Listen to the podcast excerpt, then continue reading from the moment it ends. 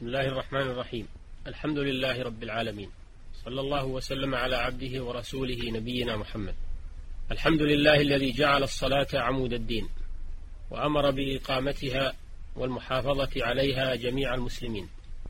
أيها المستمع الكريم إنك بحاجة ماسة إلى معرفة الآداب المشروعة التي تسبق الصلاة استعدادا لها لأن الصلاة عبادة عظيمة ينبغي أن يسبقها استعداد وتهيؤ مناسب ليدخل المسلم في هذه العبادة على أحسن الهيئات. فإذا مشيت أيها المسلم إلى المسجد لتؤدي الصلاة مع جماعة المسلمين فليكن ذلك بسكينة ووقار والسكينة هي الطمأنينة والتأني في المشي والوقار هو الرزانة والحلم وغض البصر وخفض الصوت وقلة الالتفات. وقد ورد في الصحيحين عن النبي صلى الله عليه وسلم قال إذا أتيتم الصلاة وفي لفظ إذا سمعتم الإقامة فامشوا وعليكم السكينة فما أدركتم فصلوا وما فاتكم فأتموا. وروى الإمام مسلم فإن أحدكم إذا كان يعمد إلى الصلاة فهو في صلاة. وليكن خروجك أيها المسلم إلى المسجد مبكرا لتدرك تكبيرة الإحرام وتحضر الصلاة مع الجماعة من أولها. وقارب بين خطاك في مشيك إلى الصلاة لتكثر حسناتك. ففي الصحيحين عن النبي صلى الله عليه وسلم أنه قال إذا توضأ أحدكم فأحسن الوضوء ثم خرج إلى المسجد لم يخط خطوة إلا رفعت له بها درجة وحطت عنه بها خطيئة. فإذا وصلت باب المسجد فقدم رجلك اليمنى عند الدخول وقل بسم الله أعوذ بالله العظيم وبوجهه الكريم وسلطانه القديم من الشيطان الرجيم.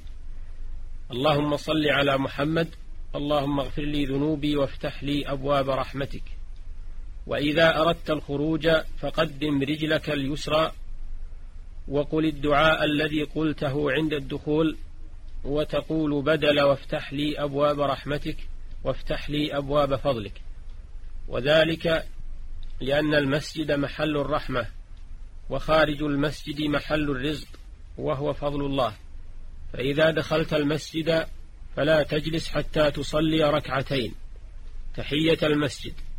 لقوله صلى الله عليه وسلم إذا دخل المسجد فلا يجلس حتى يصلي ركعتين.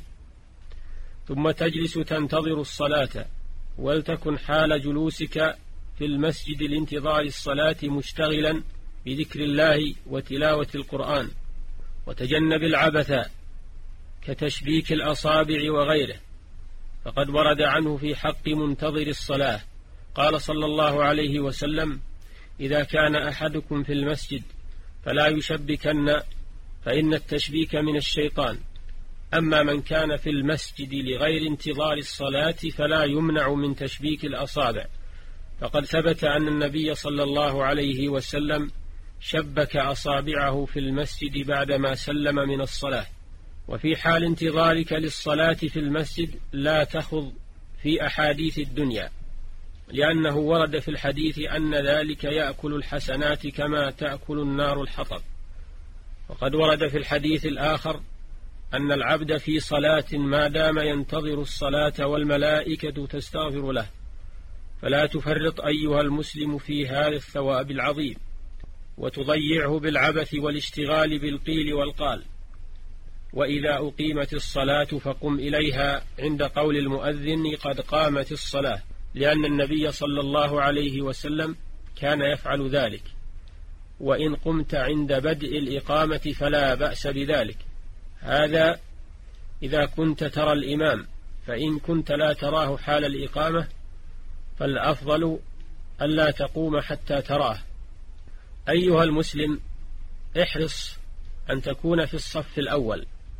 فقد قال النبي صلى الله عليه وسلم لو يعلم الناس ما في النداء والصف الأول ثم لا يجدون إلا أن يستهموا عليه لاستهموا متفق عليه. وقال صلى الله عليه وسلم خير صفوف الرجال أولها واحرص على القرب من الإمام. فقد قال صلى الله عليه وسلم ليلني منكم أولو الأحلام والنهى. هذا بالنسبة للرجال.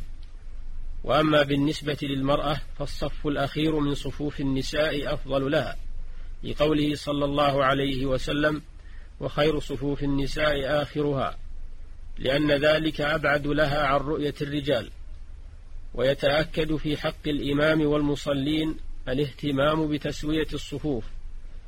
قال صلى الله عليه وسلم سووا صفوفكم فإن تسوية الصف من تمام الصلاة. متفق عليه. وفي الحديث الآخر لتسون صفوفكم أو ليخالفن الله بين وجوهكم.